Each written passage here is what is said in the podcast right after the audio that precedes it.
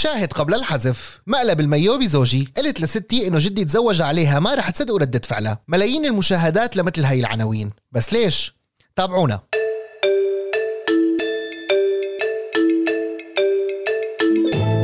واجه المحتوى العلمي أو الجاد أو الهادف باللغة العربية على منصات التواصل الاجتماعي وأبرزها يوتيوب مشاكل كبيرة بالانتشار مقابل شهرة وشيوع محتوى آخر يوصف بالسطحي فهل في معادلة بين قيمة المحتوى والتفاعل ممكن تحقيقها؟ أنا نورس ياغان وهذا بودكاست 5G من الآن اف ام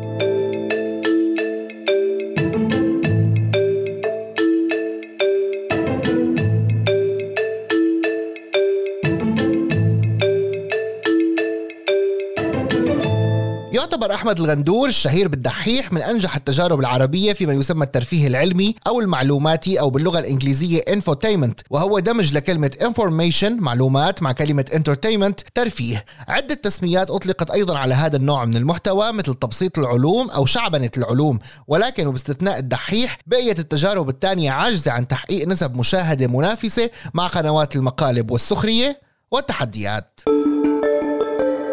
ضياء شواف صبية سورية عمرها 26 سنة بتسمي حالها no one لأنه برأيها المعلومة أهم من قائلها وقبل بسنة خاضت تحدي تقديم محتوى علمي عبر اليوتيوب من خلال قناتها ماريونيت. اليوم عم بتشاركنا ضياء تجربتها ببودكاست 5G لنعرف منها تفاصيل أكثر مرحبا يا ضياء. يا أهلا وسهلا. مبسوط بوجودك معي اليوم. شكرا شكرا كثير والله وأنا أكثر ضياء خلينا نبدأ أول شيء بفكرة بسيطة. شو اللي خلاكي تأسسي ماريونيت show أو ماريونيت channel ببساطة يعني أنا بعد ما خلصت دراستي للجامعة وكان عندي هيك كتير طموح إنه أنا هلا بدي أشتغل ودراستي أصلا يعني أه، نوعية الوظيفة اللي أنا لازم أتوظفها بتاخذ كتير من وقتي لأنه أنا دارسة دراسات تنمية والتنمية دائما يا بدك تكون HR يا بدك تكون بمنظمات دولية لحقوق الإنسان فهذا الشيء بياخذ كتير من وقتك. فلما تزوجت بعد ما تخرجت وجبت baby دغري حسيت إنه الحياة وقفت وحبطت جدا إنه أنا خلاص هي هي. طبعا آه، فكرة الأمومة هي مو شيء بسيط هو شيء فظيع وعظيم جدا حتى لو أعطيته كل وقتك تماما. بس لكل إنسان في له أهداف أولويات. فأنا كان عندي من أحد طموحي إني أنا أقدم شيء أعمل شيء لحالي للمجتمع لبنتي. شو ما كان المهم إني أنا أحس حالي عم أقدم. فحسيت إنه بعد ما صار عندي بيبي إنه لا وقفت هون حياتي بس مجرد تكون لأمومة. بس بعيد بكرر إنه الأمومة شيء كتير عظيم. بس أنا بحب إنه يكون في شيء ثاني معها فاللي صار إنه قررت أفتح قناة على اليوتيوب لأنه ما فيني أتوظف لأنه أنا ببساطة بعتبر إنه كوني صرت أم هذا الشيء بيتطلب يعني كثير من التضحية كرمال هذا الكائن يلي أنا المفروض هذا قراري إني أنا جبته على الدنيا. فما ما بي يعني ما بحق لي إني أنا كيف بدي أقول لك هي طبعا شعورك إنك أنت بدك تنتج هو شعور شوي ممكن يخليك أناني. إنه أنا بدي أنتج حتى بالرغم من إني أنا ممكن أقصر تجاه شخص أنا جبته. فأنا قررت إنه خلص ما حيمشي الحال إني أنا أتوظف وأتركها وبهيك عمر صغير. بلشت بحالة اكتئاب إنه أنا لازم أعمل كيف هيك أنا ما عم بقدر أعمل شيء فقررت إني أفتح قناة على اليوتيوب. ليش قررت على اليوتيوب؟ لأنه آه، بحكم قعدتي بالبيت الطويلة صار عندي وقت كتير فاضي فأنا أعمل أشياء ما أنا مهمة ابدا. أفتح يوتيوب اكتشف إنه ما في ما في شيء عربي. طبعا أجنبي في كتير. عربي ما في شيء مفيد ما في شيء أنا يضيف لحياتي. كلياتها عبارة عن آه، ترفيه. طبعا الترفيه هو مو شيء سيء. الترفيه شيء جيد وضروري بالحياة. بس إذا كان كله ترفيه بيصير شيء بيصير وقتها سيء. فقررت أني أنا أقدم شيء مفيد بهذا المكان يلي أنا كنت بيوم من الأيام عندي وقت فراغ وما عم لاقي شيء يفيدني عربي. قررت أفتح قناة علمية أعمل فيها أبحاث. يعني أستفيد من دراستي اللي درستها. أنا تعلمت بالتنمية أصول البحث. فكيف بقدر أعمل بحث علمي؟ عملت أبحاث علمية وصرت أقدمها على طريق هذا البرنامج على اليوتيوب. طيب رح ندخل بالتفاصيل اللي حكيتي عنها بس أول شيء إذا بنوضح أكثر كمان للناس اللي عم تسمعنا شو نوع الأبحاث اللي بتقدميها؟ شو نوع المواضيع اللي بتحبي تتطرقي لها؟ أه هلا أنا ابدا ما حطيت في حدود للأنواع الأبحاث العلمية اللي أنا بعملها. ممكن تكون فلسفية علم مثلا فيزياء كيمياء أحياء أه أحيانا حتى أحيانا دخلت بعلوم الفن كل شيء ممكن بيندرج تحت علم هذا أنا بحكي فيه. طب ضياء انت قلتي انه بداية الموضوع كان انه آه، بعد ما انجبتي آه، بنتك الله يخلي لك إياها يا رب حسيتي انه آه، بدك تعملي شيء بحياتك بدك تعملي شيء شخصي لك فهون كان الإنترنت حل صح؟ طبعا. هل هل يعني هل فعلا مفيد بهيك حالة إنه أنا بدي اكون جنبها وبنفس الوقت عم انتج فانا أقدر حتى أكون ما أتوظف فلازم يكون في إنترنت. طيب كيف وفقتي بين موضوع إنك أم وموضوع إنك هلأ بلشتي تشتغلي؟ لأنه كمان العمل عن طريق الإنترنت مثل ما بنعرف بياخذ وقت. في تفاعل مع المتابعين صحيح. في شغل في تصوير في مونتاج في, في جهد كبير. مزبوط. هلا هي هي الفكرة. بعدين أنا حسيت حالي وقعت بالفخ. إني أنا حسيت إنه أنا المهم كون جنبها. مع الوقت اكتشفت إني أنا عم مضي وقت كتير طويل معها وجنبها بس أنا بالحقيقة جودة الوقت يلي أنا عم بقعد معها فيه مو حقيقية. يعني عم بقعد معها بس أنا مخي مو معها. مخي بالكمبيوتر أو بالبحث أو شو ما كان. فبلشت احس إنه لأ أنا عم قصر. صحيح أنا معها جسديا بس عقلي ابدا ابدا ما مركز معها. فقررت إنه أنا أحسن ما هي تمرق هذا الوقت معي بالبيت البيت وما يعني ما تستفيد مني. يعني هي أنا ما عم بقدر افيدها بهذا الوقت ولا عم بقدر أنا أستفيد. فقررت إنه هي طالما وصلت لعمر سنتين ونص تقريبا ثلاث سنين حطها بالروضة بساعات قليلة. تقريبا هي دوامها كثير بسيط من الساعة 9 الصبح للساعة 2 المساء. هذا الوقت أنا لحاله رغم إنه قليل بس لأنه ما في شيء ثاني يلهيني. قدرت أنتج كل شيء ب... كل شيء كنت أقضيه كل نهاري وأنا عم بعمله معاها بالبيت. فهلأ صار في عندي حلين. الحل الأول هو إني أنا قدرت أنتج بوقت قليل بس لأنه الجودة الوقت قوية وبنفس الوقت لما بترجع بنتي من الروضة أنا رح أكون فاضية تماما لإلى ما عندي ولا شيء ثاني أعمله بالبيت غير إني أقعد معه. ممتاز. بالمقابل أكيد في آه، سلبيات في مشاكل. يعني انت استفدتي من الإنترنت كحل بس كان في مشاكل صح؟ أكيد طبعا. مثل شو كانت؟ آه المشاكل. صراحة أنا شخص كتير خصوصي يعني ما ما بحب ابدا ابدا تظهر خصوصياتي. وبداية على فكرة كان مشروع ماريونيت إني أنا ما اظهر كنت اظهر بس بنصف وجه يمكن اللي كانوا متابعوني من زمان بيعرفوا هاي الشغلة. صح. وكنت وطبعا أنا بذكر اسمي بقدم نفسي على أني no one لأني بس آه بحب أنا أقدم الشيء اللي أنا عم بحاول أقدمه قبل ما أقدم نفسي بقدم القيمة قبل ما أقدم شخصي وعائلتي واسمي. ف ليش؟ لأنه أول لسببين. أول سبب هو إنه مو مهم مو مهم صراحة مين أنا قد ما مهم شو عم أقدم والسبب الثاني إنه أنا كمان بيهمني خصوصيتي. أنا كثير ضد إنه الإنسان يشارك خصوصياته. فلما كنت بدي فوت بهذا المجال أكثر شيء يعني ضليت أنا لو فكرت بالفكرة ولوقت ما أخذت القرار أكثر من ست شهور بس لأني أنا خايفانة من في شيء أنا بسميه فخ ال social media. هذا الفخ عرفان إنه رح يكونوا مسيطرين على الوضع بس الناس شوي شوي بتسحبوا لهذا الفخ لأنه الناس بتحب تعرف خصوصياتك. هذا أكس أصعب شيء بال social media. أنت مضطر إنك أنت تساير الناس لأنه من حقها تعرف عنك وبنفس الوقت تحط حد لخصوصيتك. هن بيناتهم شعرة كثير رفيعة. هل وقعتي في الفخ؟ أنا بحس حالي لحد الآن لسه ما وقعت. ناس لحد الآن ما بتعرف آه، معلومات خاصة عني ولا بتعرف عن شخصيتي الحقيقية ولا بتعرف شو نوع الثياب اللي أنا بحب بحبها أو الأكلات اللي أنا بفضلها. يعني كل هاي التفاصيل عني لحد الآن الناس ما ما بتعرفها. فما وقعتي بالفخ ولا حتى إنه بلحظة مثلا أو بفترة معينة؟ ما بعرف أنا عم حاول أتذكر إذا بيوم من الأيام على فكرة أنا كل مرة بطلع story وعلى فكرة أول ما فتحت حساب على الإنستغرام هي بعد اليوتيوب اليوتيوب أكثر بيعطيك خصوصية على فكرة. الإنستغرام بدك تبلش تشارك يوميات مع مع الناس واليوميات يعني فيها أكيد فيها مشاركة خصوصية. هلأ أول ما بلشت أطلع stories كنت أحس حالي عيد ال story ألف مرة. أحذف هاي المعلومة أرجع ضيف هاي المعلومة. شو بدي أحكي للناس؟ أنا إذا رجعت إذا ضليت بس عم بحكي للناس معلومات معلومات الناس رح تمل تتابع ستورياتي. لازم تتابع شيء كمان يحس معلومة مع ترفيه. وبنفس الوقت أنا ما بدي اشارك خصوصياتي. فكنت اطلع هون أنا عندي سؤال. مرة. أنا عندي سؤال هون. في ناس اليوم أيه. عايشة كل حياتها على على الإنترنت حتى مشاكلها حتى إرهاصاتها النفسية دموعها آه أكيد بتتابعي وأكيد بتشوفي. في في مشاهير اليوم بيطلعوا بيبكوا بيطلعوا بيحكوا. شو بيخسر الإنسان برأيك إذا شارك شيء خاص مع مع ناس بيتابعوه؟ يفترض بيحبوه. يعني هم بيسمون فانز بالانجلش محبين أو معجبين. صح مزبوط. آه، برأيي الشيء اللي بيخسره أنا أنا طبعا مو كل الناس بتشوف الشيء مثل اللي أنا بشوفه بس أنا آه، إنسان بحس يعني أغلب الإنسان عنده مشاعر كتير كبيرة تجاه الناس اللي عم تبعت له كلام يومي أنت يوميا عم تسمع كلام هذا الشيء رح يأثر على حياتك قد ما كنت حدا ثابت ومتمكن من نفسك. فأنت لما بتوصل لهي المرحلة بمشاركة خصوصياتك مع الناس بتفقد آه، شو بيسموها؟ ماني قدرانة أصيغ الكلمة. يعني نسيتها. شو بيسموها؟ إنه أنت تفقد مو الهيبة تساعدني. تفقد حضورك أو تفقد. خصوصيتك خلينا نقول خصوصية حضورك. لا لا مو خصوصية. يعني مثل إنك أنت كيف لما أنت بتحط حد بينك وبين شخص تاني؟ تفقد هذا الحد.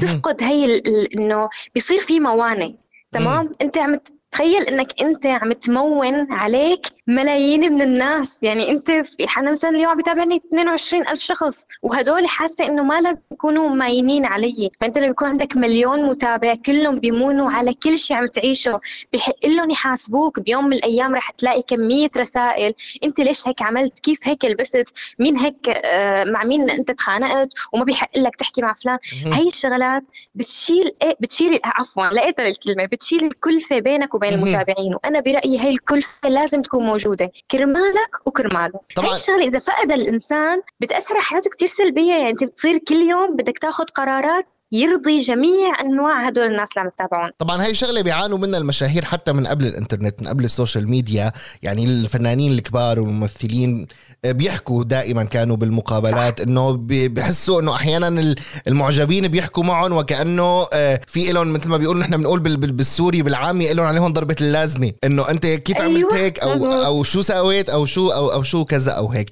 طيب ضياء هون إذا بنح إذا بنقارن خلينا نقول الإيجابيات مع السلبيات. بنساوي ميزان. انت بتعتبري انه التجربة أكثر إيجابية أو أكثر سلبية؟ تجربتي ولا تجربة ال social media يعني؟ طب خلينا نحكي على على طرفين. أول شيء شخصيا وبعدين بالشكل بالعموم. آه. شخصيا كانت كتير مفيدة. على فكرة أنا بالبداية كنت حابة تكون شغل. يعني أنا فوت فيها كأني شغل. يعني بدل الوظيفة اللي أنا كنت حابة أتوظفها. مع الوقت صرت أحسها تسلية. وماني يعني ما بخجل أقول إنه هو شيء عم يسليني رغم إني أنا مقدم معلومات. المعلومات أحيانا بتكون كمان متعة. فأنا صرت احسها أنا عم ملي وقت. بطريقة مسلية يعني ماني مالة ابدا. فأنا عم أتسلى وبنفس الوقت عم اقدم شيء ما عم يضر المجتمع مفيد ولطيف.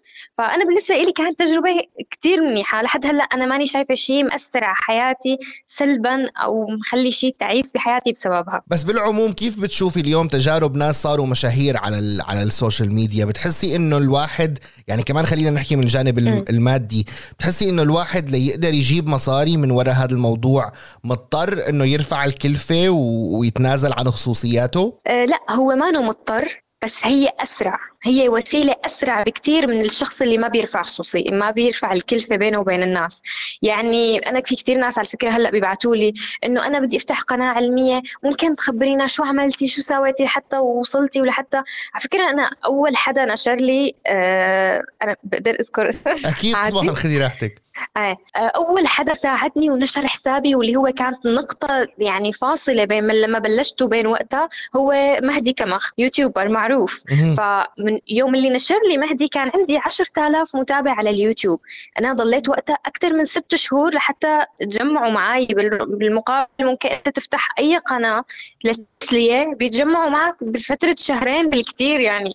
ف هذا الموضوع عم يخلي الناس اللي عم تقدم محتوى علمي تفل بسرعة لأنه هي ما عم توصل للسرعه هاي وخصوصي إذا بدهم مردود مادي فهذا الشيء ما رح يكون سريع. لاقوا مشكله بإنه حياتهم واقفة لازم يكون عندهم دوام وشغل وبنفس الوقت عم يقدموا محتوى يوميا يوميا عم يتعبوا المردود المادي. لا رح يميلوا ورح يوقعوا بهذا الفخ يلي أنا خبرتك عنه إجاكي دخل لهلأ من ماريونيت؟ إيه طبعا بلش. الحمد لله. طيب آه، بتشوفي الموضوع مرضي؟ يعني هل ممكن الواحد مع الوقت يتحول هذا الموضوع لمهنة فعلا بيعيش منها؟ إيه طبعا هلأ في ناس كتير آه، اللي عندها متابعين كتير كتار. هذا مو بس معيشها هذا الموضوع هذا الموضوع مخليها تعيش برفاهية كاملة.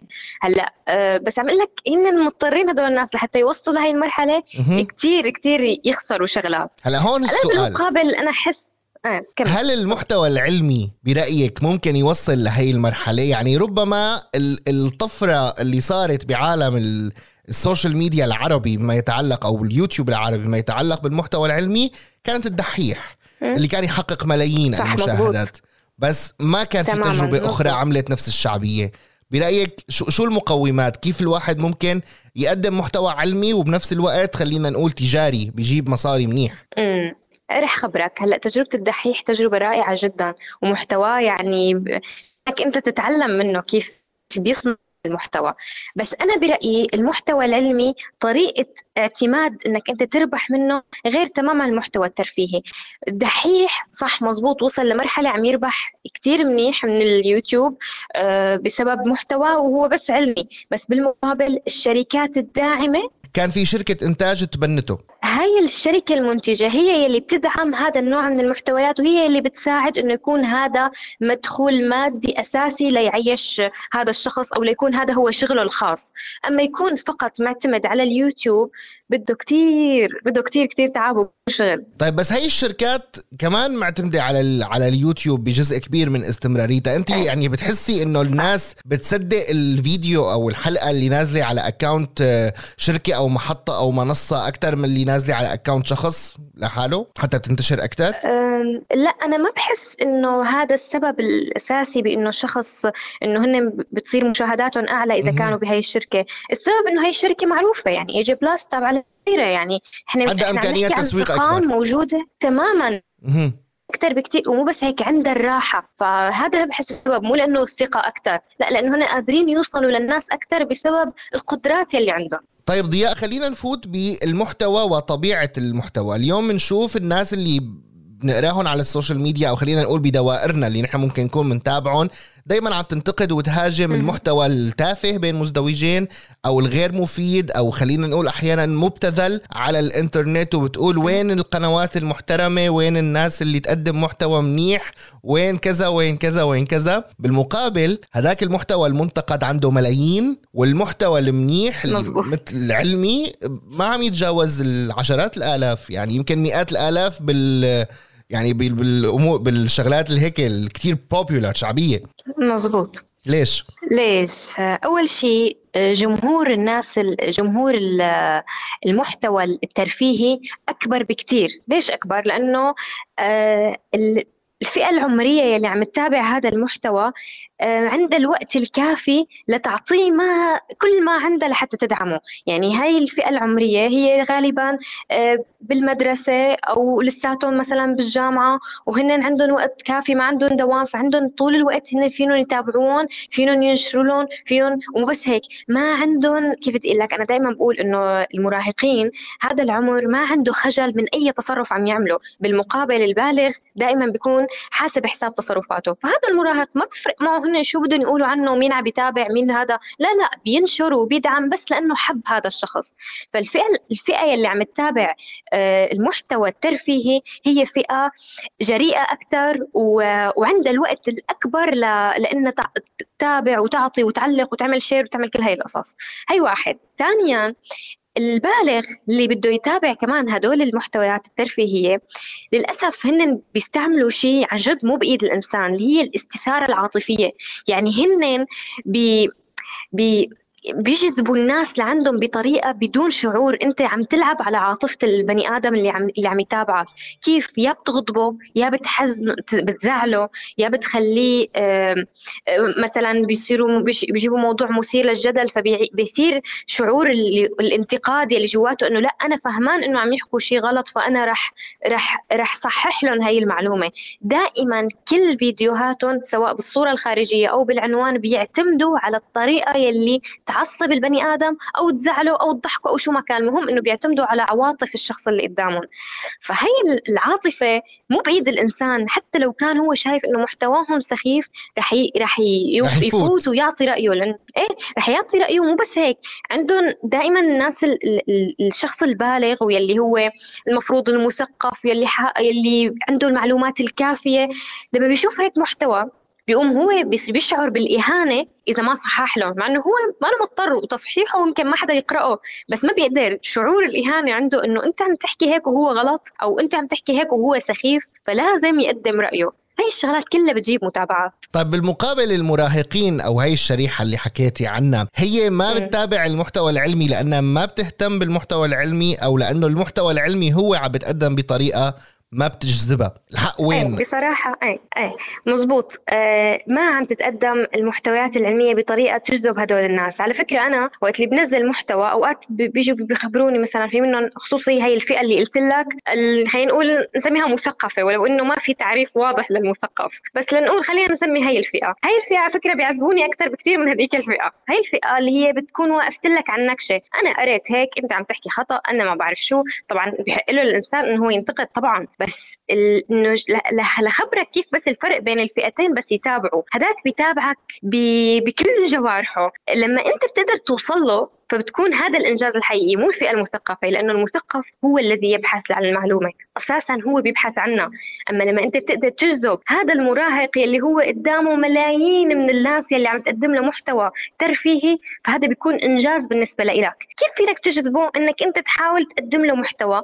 ما تحاول تركز على المعلومة اللي عم تقدمها كقيمة إنه كأنك أنت هلأ بتقدم معلومة تبهر فيها مين؟ المثقفين. هذا ما هذا ما يعني إنجاز. أنت لازم تبهر فيها أول حدا الناس يلي ما عندها ميول للمعلومات. لما بتقدر تبهرهم لهدول بعدها بتقدر تقل معلوماتك وتحسسهم انه تحسهم انه مركزين معك. أما فورا إنك تدخل على المحتوى العلمي بطريقة كثير دقيقة وكثير علمية أنت ما رح تكسب شيء. رح تكسب الفئة اللي أساسا بتتابع المحتوى العلمي. طيب ضياء بالنهاية أنت لك تقريبا سنة مبلشة بمشروع ماريونيت صح؟ مزبوط. شو تغير بحياتك؟ ضياء قبل آه، ماريونيت وضياء بعد ماريونيت. أه لك أنا إنسانة كتير خجولة كتير يعني ما بحس حالي إني أنا ممكن أطلع أحكي مع الناس على ال social media وعادي. أول يمكن الناس اللي تابعوني من البداية بيعرفوا كيف بلشت كيف كنت أتأتئ وكيف كنت فلا أعطاني آه، مشروع ماريونيت الجرأة الأكبر للحديث بال social media وبالحياة الواقعية أنا صار فيني هلأ قابل الناس بكل ثقة أكثر طبعا على فكرة الخجل أو الخجل من إنك تتواصل مع الناس هو مو شيء من قلة ثقة بالنفس لأ هي عادة أو طبع. فأنت هذا الطبع كتير غيرت لي ال social media. هاي واحد. ثاني شيء إنه يكون عندك وقت فاضي كتير هي بحسها من أكثر الشغلات اللي بتقتل البني آدم. فأنا أهم شغلة لغت لي إياها ال social media عن طريق إني أنا أقدم هذا البرنامج هو إنه أنا لغيت الوقت الفاضي. صار عندي وقت أكثر صرت أحس بجودة الوقت أكثر يعني صرت أعرف وأقدر كل ثانية أنا بقعدها مع بنتي أو كل ثانية أنا بطلع فيها مشوار أنا وأنا وزوجي. يعني فهي هي الشغلة خلتني احس إنه آه، قدمت شيء حس حالي أنا ماشية بين العالم وحس حالي رضيانة رضيانة إني أنا عم اقدم شيء مفيد وبنفس الوقت مسليني. فأنا هي هي الطريقة ما فيك دائما توصل لها بين وظيفة أنت عم تنزل عليها كل يوم ممكن تكون مملة وترجع البيت مانك ملحق. ال social media بتعطيك فرصة أكثر لتنظم حياتك. وبالمقابل في ناس بتكون كتير سيئة عليها بتنقلب وبتخرب كل حياتها. يعني معناتها أنت بتقيمي تجربتك بالمجمل إنها كانت تجربة إيجابية. إيجابية جدا. أنا لأكد على كلامك أنا لأكد على كلامك وقت اللي حكينا وقلت لك إنك تشاركي معي بالبرنامج. قلتي لي نورس أنا ما بعرف أحكي بس أنت ما شاء الله حكيتي بكل استرسال. مظبوط. على فكرة يعني هي هي الشغله الموجودة بال social media. انه أنت مجرد بلشت مجرد ظهرت ما في مجال للتراجع. بدك تنطلق. فهي هي الفك هي هي النقطة اللي اعطتني إياها. أنا أول ما قلت لك مرحبا حسيت إنه يا الله لك هلأ شو شو إذا بده يسألني أي سؤال شلون بدي أقول؟ بدي بلش بالإجابة بدون ما تأتئ بعدين استرسلنا ومشي الحال. أكيد طبعا. دائما بي... دائما بالحياة في أول مرة مثل ما بيقولوا. ضياء بدي أتشكرك. أنا كثير سعيد كنت بهذا اللقاء بوجودك معي. شكرا. شكرا. والله وأنا استمتعت كثير يعني هاي المكالمة خلتني هيك استرجع كل شيء صار من أول وجديد. شكرا كثير وموفقة. شكرا لك ما بيختلف اليوم اليوتيوب عن أي جهاز تلفزيون. قنوات منوعة ومن كل الأشكال ولكن هي القنوات بمختلف أنواعها وبمعظم الأحيان عم يديرها شخص أو شخصين على الأكثر ليقدموا ما كان يخصص له فرق عمل كاملة في وسائل الإعلام التقليدي. رح نتابع الحديث بهذا الموضوع بالحلقة القادمة. لكم تحيات نورس يجان وفريق عمل راديو الآن. إلى اللقاء.